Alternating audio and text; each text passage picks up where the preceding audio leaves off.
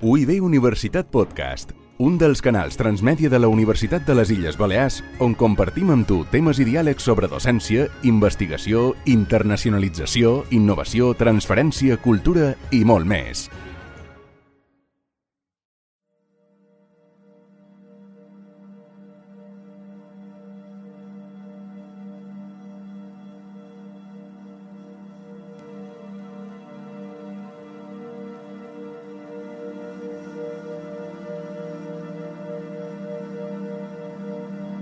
Benvinguts a En quin món vivim, reflexions sobre el nou ordre mundial, un podcast de l'Oficina de Cooperació de la Universitat de les Illes Balears per enfocar allò que sembla més que una era de canvis, sempre ho deim, un canvi d'era. Som aquí, eh, ho estem enregistrant una vegada més a un espai de, de universitat, som en hall de l'edifici Melchor Gaspar de Jovellanos d'aquesta universitat, amb en Xema González de la part tècnica i qui vos parla, en David Oliver, amb ganes d'escoltar, de fer preguntes a persones que mm, ens han d'ajudar a entendre millor què són els drets humans, però també esbrinar perquè si són tants els països que eh, han signat respectar-los, hi ha tantes vulneracions que, que són tan recurrents.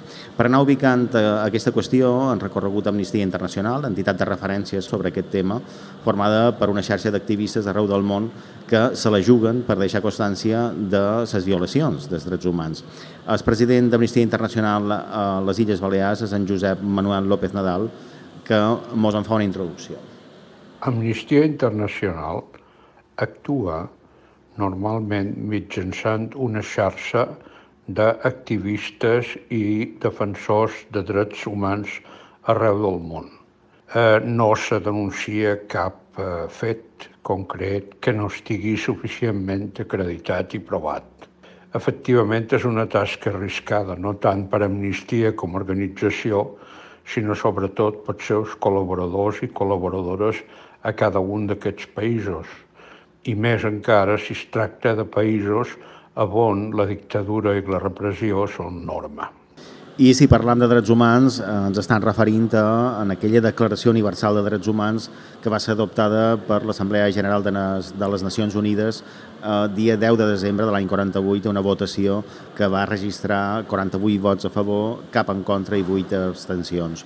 Un test inicial que dona pas a redaccions posteriors que se varen elaborar fins a l'any 1966 i complementaren o completaren aquesta Carta Internacional de, dels Drets Humans, que després de ser sotmes a, a votació es va convertir en llei internacional. Anirem filant eh, quin és el fons i la forma d'aquesta declaració, però eh, partint, com és habitual, d'una pregunta crítica perquè si una immensa majoria de governs assumeixen aquesta declaració, se'ls viola tan sovint, o és una percepció nostra, anem equivocats. Però també eh, durem la mirada a peu de carrer en el nostre entorn, parlarem de persones víctimes de tracte que són a la nostra societat pròximes, però que ens demanam si els atribuïm els mateixos drets que eh, a altres persones, a tot el conjunt de, de la societat. De moment, escoltam algunes consideracions de López Nadal.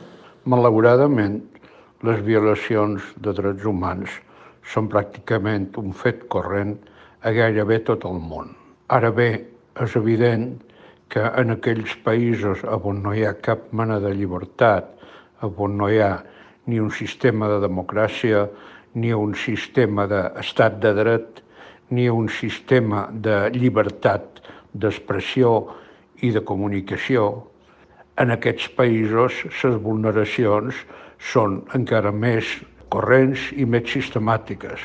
Però això no vol dir ni, molt men ni molt menys que les anomenades democràcies i estat de drets no es violin els drets humans. Malauradament, a tots, o gairebé tots, n'hi ha de violacions de drets humans inclòs, evidentment, en el nostre país. I és el moment de saludar les persones que ens acompanyen aquí a la taula.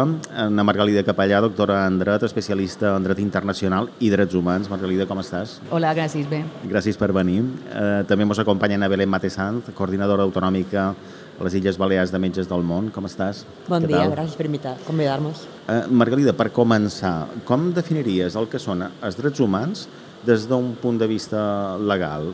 Nosaltres explicàvem a, a classe eh, de, de dret internacional públic i també de dret constitucional que els drets humans són facultats inherents a la persona i estan vinculades estan vinculats a la seva dignitat com a persona i és per això que se reconeix que els drets humans són universals, és a dir, totes les persones tenen aquests drets humans i són interdependents en el sentit de que tant importants són els drets civils i, i polítics com els drets econòmics, socials i, i culturals. Aleshores, com a facultats, el que permeten és que les persones se realitzin com a, com a tals. Mirant el que és la declaració i contrastant-la en la realitat, a quins àmbits se produeixen més vulneracions? Clar, hem de tenir en compte, com has dit tu, que la Declaració Universal de Drets Humans és un punt inicial, és un punt de partida, l'any 1948 la majoria d'estats existents en aquell moment, perquè després me pareix que eren 50 i, i, i busques no? que, que, van, que van votar a favor o bé se van abstenir, i ara són 192 estats membres a, la, a Nacions Unides. No? Aleshores, aquells estats se van posar d'acord en, en que això era el mínim, i a partir d'aquí se van anar adoptant i desenvolupant més drets, eh, reconeixent més drets en convenis internacionals, perquè hem de tenir en compte que la Declaració Universal de Drets Humans és un punt de partida, també és un punt de referència, per exemple, la Constitució espanyola, l'article 10, estableix que la Declaració Universal universal de drets humans és, és un criteri d'interpretació dels tractats internacionals, això és importantíssim, però que no és vinculant jurídicament, és a dir, no se, no se denuncia un estat per violar la Declaració de Drets Humans, sinó els convenis internacionals posteriors que s'han anat adoptant tenint com a referència aquesta Declaració Universal. Per això és tan important com a punt de partida i com a punt de referència.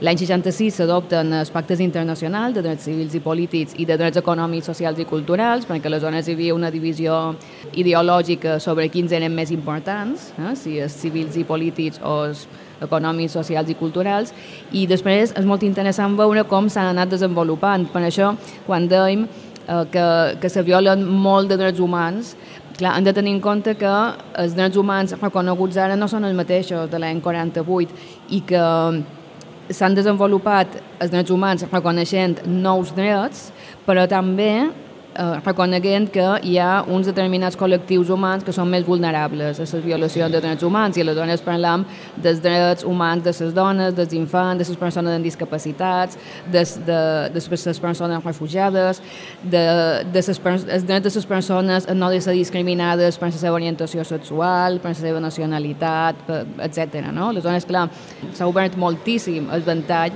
de violacions de, de drets humans. Estàs exposant una realitat dinàmica en tots els sentits. Eh? Exacte, dinàmica i, i que implica que els estats eh, han anat adoptant normativa per protegir els drets humans. És a dir, l'idea del sistema internacional de protecció dels drets humans és que eh, en primera línia de defensa dels drets humans hi ha els tribunals estatals és per això que per accedir a tribunals internacionals o comitès internacionals de drets humans, primer s'han d'esgotar els recursos interns en aquell estat. No? I després, si fallen els tribunals estatals a l'hora de protegir els drets humans, se pot accedir a un, a un tribunal internacional. Clar, el que arriba al tribunal internacional eh, ja són casos flagrants, no?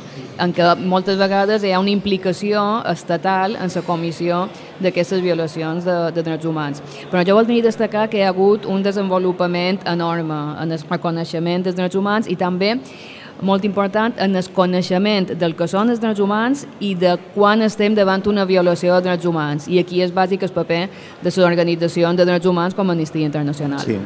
Um, anem ara parlant uh, a Nebelén, de, de Metges del Món, ho dèiem, una entitat que feis feina, entre d'altres coses, amb persones en situació d'exclusió, moltes d'elles en situació de carrer, i sovint amb persones obligades a prostituir-se, podrien dir víctimes de tracte, eh, en la majoria d'ocasions. Eh, dit això, te volia llegir un seguit d'articles de la Declaració Universal, llavors a comentar, ubicats en aquest context vostre, no? o de la feina que, que feis. Uh, article 3. Tota persona té dret a la vida, a la llibertat i a la seva seguretat. Article 4. Ningú no serà sotmès a esclavitud o servitud. L'esclavitud i el tràfic d'esclaus són prohibits en totes llurs formes. Eh, penses que entre les persones en les que feis feina hi ha persones en situació, per exemple, d'esclavitud o que podríem esgrimir aquests arguments per denunciar com se troba? Totalment, com ha dit uh, Margalida, l'ésser humà es, es mobilitza, es mou i canvia, per tant també els drets humans. I sí, a dia d'avui les persones més vulnerables són les víctimes d'explotació sexual o les víctimes de, en realitat, les víctimes de qualsevol explotació, sigui laboral, sexual, i sí, en el moment en el que veiem que encara hi ha persones que s'ofreixen explotació sexual, explotació laboral, donació d'òrgans en el mercat negre, tot això és esclavitud i a més és un aprofitament de les persones, dels éssers humans en situació vulnerable, en situació de pobresa i que no tenen altres alternatives i altres opcions i això les xarxes criminals saben molt bé on trobar a la gent vulnerable i com aprofitar-se d'elles. Una mica seguint de fil de lo que comentaven a Margalida és com aquest tipus de casos se denuncien o se vehiculen, no? o no se vehiculen. Te trobes davant un cas que, anant-lo en el concepte, dius, Val, me sembla que això ho podria qualificar directament d'esclavitud i tenc una declaració universal que diu això. En quines eines penses que pots fer feina per denunciar això? Legalment pot ser fora del que seria la declaració de, de, de drets humans, però legals. Clar, com ha explicat la Margalida, primer hauríem d'anar a l'Estat. Tenim una, un codi penal, tenim estat tipificat, la tracta de persones amb fins d'explotació sexual està tipificada dins el codi penal. Per tant, és denunciar, començar tota aquesta part d'investigació, si no es resol, a lo millor sí que ja es pot començar a escalar i amb això Women's Link té molta experiència, eh, per tant, però ja primer se, se cerca la via estatal d'anar pel Còdic Penal. Margalida, arribats fins aquí, simplement a nivell de funcionalitat, eh? tu que coneixes tan bé qüestions de legals, valdria la pena a un moment donat elevar a una causa relacionada amb els drets humans el que serien les xarxes de tracte i prostitució? Eh, fora d'aquest codi penal que jutja un cas concret, eh? de dir aquestes persones, eh, la policia ha fet tal acció, ho ha detectat i s'està fent aquest judici. Podria servir per fer una argumentació més global? Clar, el que hem de tenir en compte és que davant els tribunals internacionals, els comitès internacionals de, de drets humans, se denuncia estats, no individus. Però el que a mi sempre mm, m'agrada destacar del dret internacional, dels, dels drets humans, és com eh, s'ha aconseguit passar de, de considerar delictes com és per individus o per xarxes com a violacions de drets humans. És a dir, que l'Estat eh, no ha adoptat les mesures a què estava obligat per garantir els drets humans d'aquestes persones per evitar que se violin els drets humans d'aquestes persones i, que, i per castigar. No? Aleshores, això és importantíssim i això és des darrers 20-30 anys, en el cas de trata no tant, però hem de tenir en compte això, no? que quan acudim a un tribunal internacional denunciem a Espanya, per exemple, per no haver perseguit de forma eficaç la trata. No? Però després també, en el cas de, de la trata, de la trata és molt important el que s'ha fet a l'àmbit del dret penal internacional, perquè hi ha casos en què l'esclavatge sexual i la trata i l'esclavatge també en general, pot esdevenir un crim internacional i aleshores aquí és quan actuen els tribunals penals internacionals quan hi ha hagut conflictes armats o situacions de comissió de, de crims internacionals. Entenc, eh, recapitulant una mica, que aquesta Declaració Universal de Drets Humans ha de ser una inspiració per les lleis que llavors cada estat, cada nació faci. Eh? Seria com un valor orientatiu a partir del qual tu llavors construeixes la teva legalitat? No només orientatiu, és que dels convenis internacionals que se deriven d'aquesta declaració universal se'n desprenen obligacions. Sempre que parlem d'un dret, i això és important també tenir en compte, no ho he dit abans, sempre que parlem d'un dret hi ha una obligació. És a dir, si és dret internacional, un conveni, eh, però també és dret estatal, la Constitució, reconeix un dret, el dret a la llibertat d'expressió, el dret a no ser discriminat per la dona, etc. Eh? Hi ha qualcú que l'ha de garantir. És a dir, qualcú té l'obligació de garantir i si no ho fa, està exposat a responsabilitat dins l'estat o a nivell internacional. I uh, actualment existeixen codis penals, codis legals, uh, lleis uh, a qualque país que estiguin fora de la Declaració Universal de Drets Humans? Sí, per descomptat. Només eh, pel que fa a drets de les dones, encara hi ha països on el Codi Penal penalitza de forma diferent els delictes comesos contra homes o contra, o contra dones. No? Lleis discriminatòries, per descomptat, s'ha avançat molt en els últims anys. Eh, vull dir que es ve que mm, hem de ser pessimistes perquè no ho hem aconseguit tot, eh? però es ve que a nivell internacional eh, se, se pressiona estats perquè cada vegada avancin eh, en l'àmbit dels, dels drets humans, però només basta pensar en els col·lectius vulnerables, no? persones que són discriminades eh, per, per ser orientació sexual, per ser homes o dones, eh, per, per, per edat, per nacionalitat. No? En els col·lectius vulnerables sempre hi ha discriminacions, sempre. Tu te trobes en una situació en la qual vos vulnerats els teus drets humans eh, perquè estàs un país que té una llei que és discriminatòria, que no eh, assumeix els preceptes de, de la Declaració Universal. Tu pots anar a un Tribunal Superior de Drets Humans i dir escolta, m'està passant això aquí, vull que se tracti com un cas de vulneració de drets humans i a partir d'aquí quin curs seguiria allò? Ja sé que me parlaves de, com a de comunitats o de països, no? eh, però un grup per exemple, el col·lectiu LGTBI, eh, o un país que persegueix eh, les llibertats sexuals o, o de gènere, podria fer una passa com aquesta? Aquí és on veiem que la protecció dels drets humans no és tan universal no? com se proclama eh, en aquesta Declaració Universal de Drets Humans, perquè per accedir a un tribunal internacional que jutgi un estat, per incomplir un tractat, fa falta, primer, que aquest estat sigui part d'aquest tractat. El Pacte Internacional de Drets Civils i Polítics, el conveni per l'eliminació de la discriminació contra la dona, i segon, que hagi acceptat la jurisdicció o la competència del comitè o del tribunal, bé, sobretot els comitès, no? que han de jutjar aquesta violació del conveni. No? Clar, això també depèn dels de l'àmbit regional on te trobis. Um, hi ha tribunals internacionals d'àmbit regional um, a Amèrica, Àfrica i, uh, i Europa, eh? el Tribunal Europeu de, de Drets Humans. No? Aleshores, aquí no fa falta l'acceptació de la de la jurisdicció des, del comitè. El que passa és que també existeixen mecanismes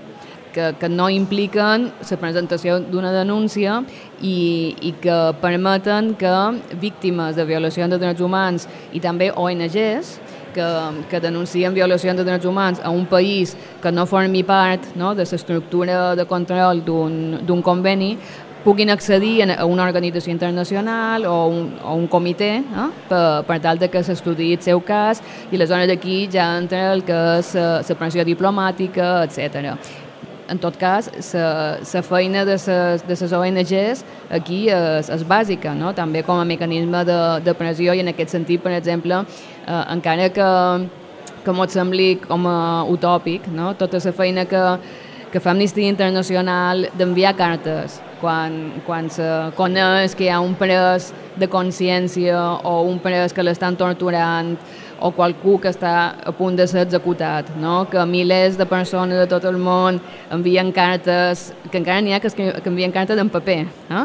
però també mails, fats, eh, això és, és un complement importantíssim. No? La idea és que aquell estat, sobretot els governants, no? perquè recordem que qui viola els drets humans jurídicament és un estat, però són persones que decideixen no complir la llei, que decideixen eh, donar l'ordre de torturar, que decideixen una execució, no? Aleshores, aquestes cartes eh, arriben, no? I això és el que ha de, ha de continuar passant.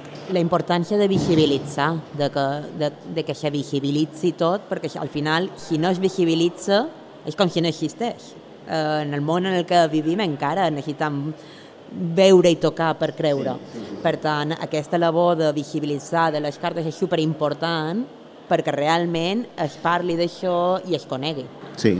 Uh, Margalida ara i Belén parlam d'entitats com per exemple Amnistia, però des d'aquesta mateixa universitat també se fa feina per la defensa dels drets humans. A través de, de quina oficina departamentària, com, com se treballa això?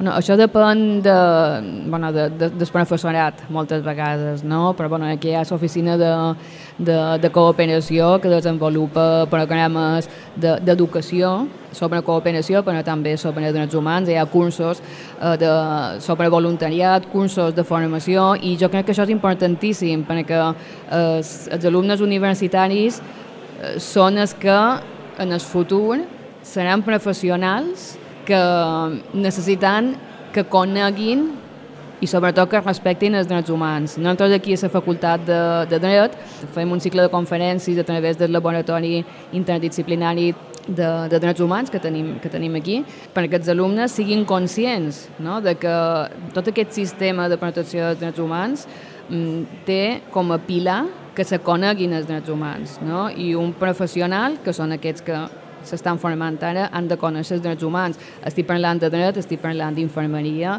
eh, estic parlant de, fins i tot matemàtics, no? han de conèixer els límits, no? de, per exemple, de l'informàtica a, a, a l'hora de, de respectar els drets humans. Els drets humans marquen els límits de l'ètica i, per exemple, a infermeria hi ha una assignatura que és salut global i que es parla des d'una perspectiva de drets humans i entenc que en diferents carreres sí que hi ha aquesta visió de la perspectiva de drets humans perquè els futurs professionals han de conèixer-los perquè al final és la base de la nostra ètica professional.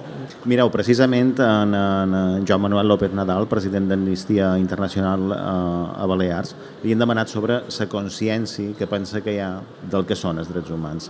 Eh, jo crec que cada vegada hi ha una consciència generalitzada en el món de la necessitat de defensar els drets humans i de denunciar les violacions que se eh, entre els mateixos. Normalment, dins els sectors professionals del dret, sol haver gent, a vegades molt arriscada i molt valenta, eh, que col·labora d'una manera activa eh, per eh, denunciar aquests fets i, sobretot, per pressionar per tal de corregir-ho. Val, bé, n'he pensat molt amb aquestes paraules de López Nadal en relació a la feina que feis a, a Metges del Món, precisament, Tot, sobretot si ens referim a, a persones en situació de prostitució. No?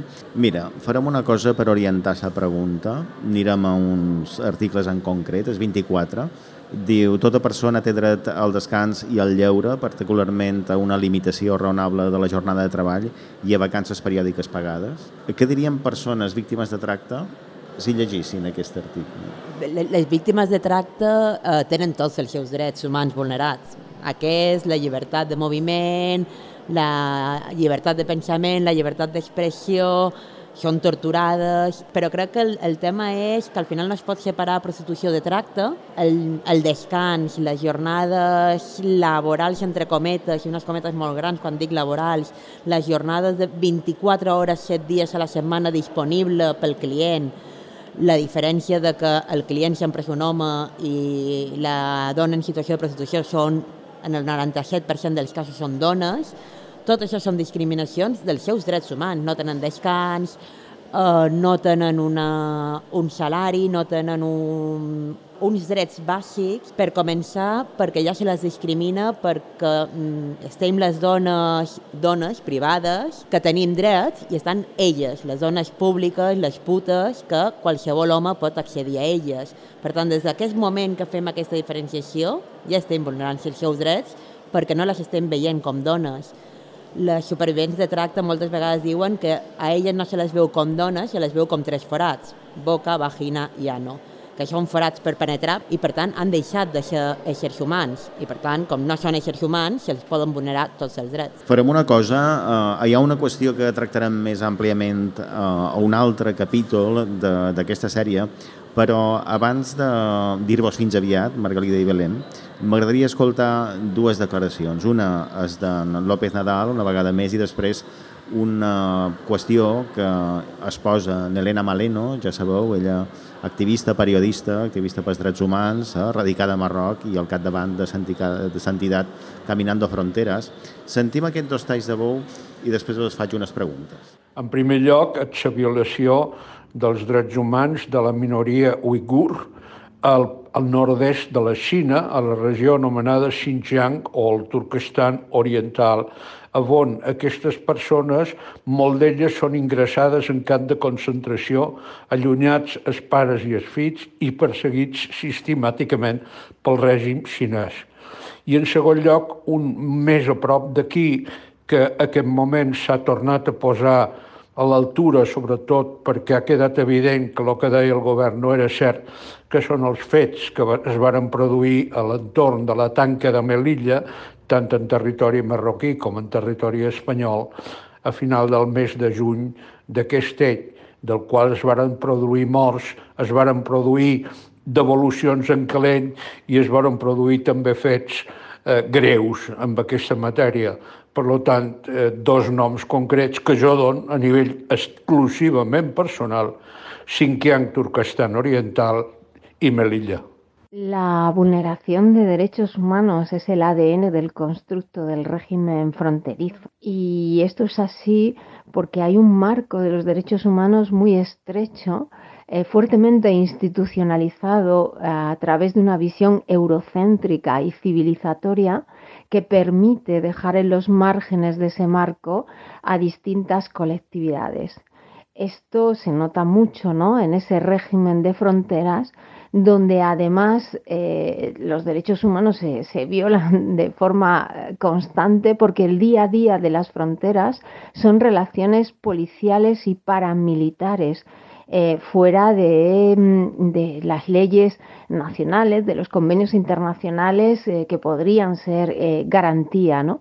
Em, de, para la protección de los derechos humanos. Es más, em, si nos damos cuenta, em, todas las vulneraciones de derechos humanos, todas las pérdidas de vidas que hay en las fronteras, en las fronteras europeas, hay muy pocos casos, por ejemplo, judicializados, no hay acceso a la justicia, hay una total impunidad. Hem escoltat un primer tall en què López Nadal mos indicava dues qüestions que personalment eh, el preocupen molt i després hem escoltat Elena, Elena Maleno eh, parlant de drets humans i, i frontera i immigració, igual que en López Nadal també parlava abans de Melilla. No?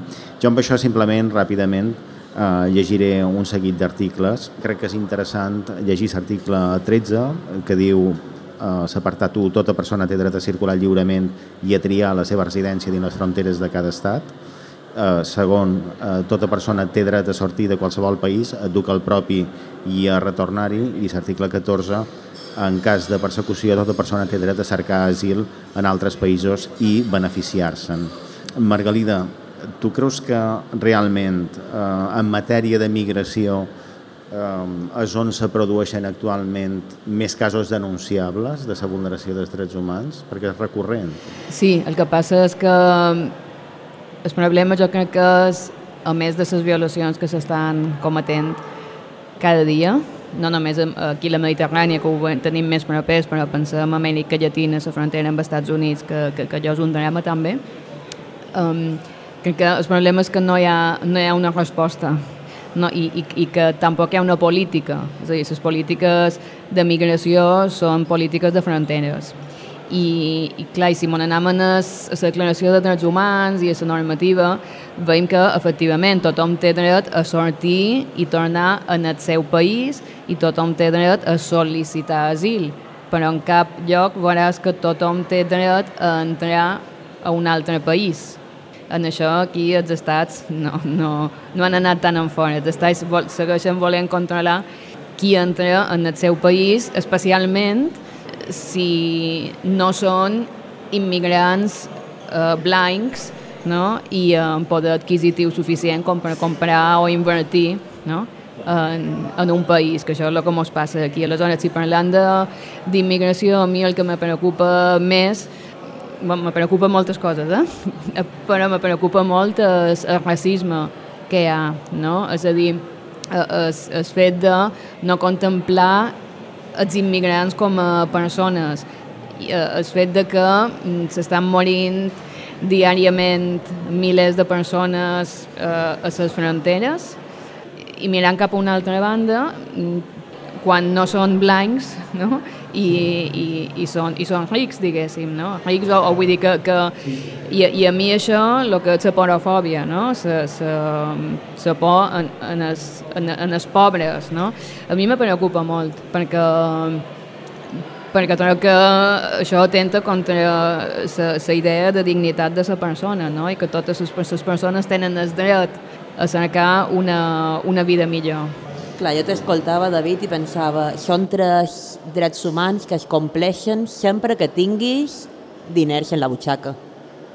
Si ets una persona amb diners, sí pots migrar, entrar, sortir, demanar... El problema és quan ets un col·lectiu vulnerable. Llavors, com que ets vulnerable, deixes de ser un ésser humà a la visió general i per tant les fronteres es tanquen, es, ponen concertines, les ONGs de rescat es converteixen en els traïdors que rescaten allò de la mà, perquè han deixat de ser éssers humans que estan rescatats. Per tant, eh, el problema és, com bé deia Ana Margalida, el, el, la por que li tenim a la pobresa, el racisme i que cada vegada més s'utilitzen aquests delictes d'odi i aquesta parafòbia per crear un missatge de negatiu contra aquesta migració que també està oint de guerres, de fam, de misèria, però que com que no són blancs i no és una guerra a les nostres portes de la frontera europea terrestre, mos molesten, perquè al final, a mi em sap greu, però Marroc està molt més a prop que Ucraïna, Síria està a la mateixa distància que Ucraïna, i és una guerra que ens molestava i que mai vàrem obrir fronteres i ajudes. Però sí a Ucraïna, per què? Perquè són blancos, rosses i amb ulls blaus com nosaltres. Jo tinc molt d'ucraïnesa, eh? Som petita, morena, uh, ulls marrons, i Ucraïna me queda molt en fora també. Per tant, per què aquesta diferència? Perquè són blancs, bàsicament, i perquè no són pobres. I he volgut també eh, conservar aquell tros en què López Nadal parlava d'escàs iugur a, a Xina, perquè de vegades això passa dins un mateix territori, no? Eh, que se fa aquesta frontera per qüestions, en aquest cas, ètniques, religioses, etc i se creen com a fronteres que van més enllà de les fronteres dels propis estats. No? Són unes fronteres culturals, unes fronteres, pot ser de classe, no? s'hauria d'analitzar. I doncs Margalida Capellà i Belén Matessant, moltes gràcies per aquesta estona. Gràcies de vosaltres. Aquesta darrera reflexió, ho dèiem, té a veure en coses que comentarem en el capítol 2, parlarem de migració, sentirem dones que fan molta feina per defensar els drets humans de, de diferents col·lectius eh, ja ho sabeu, seguiu en quin món vivim, que això no, no té aturador.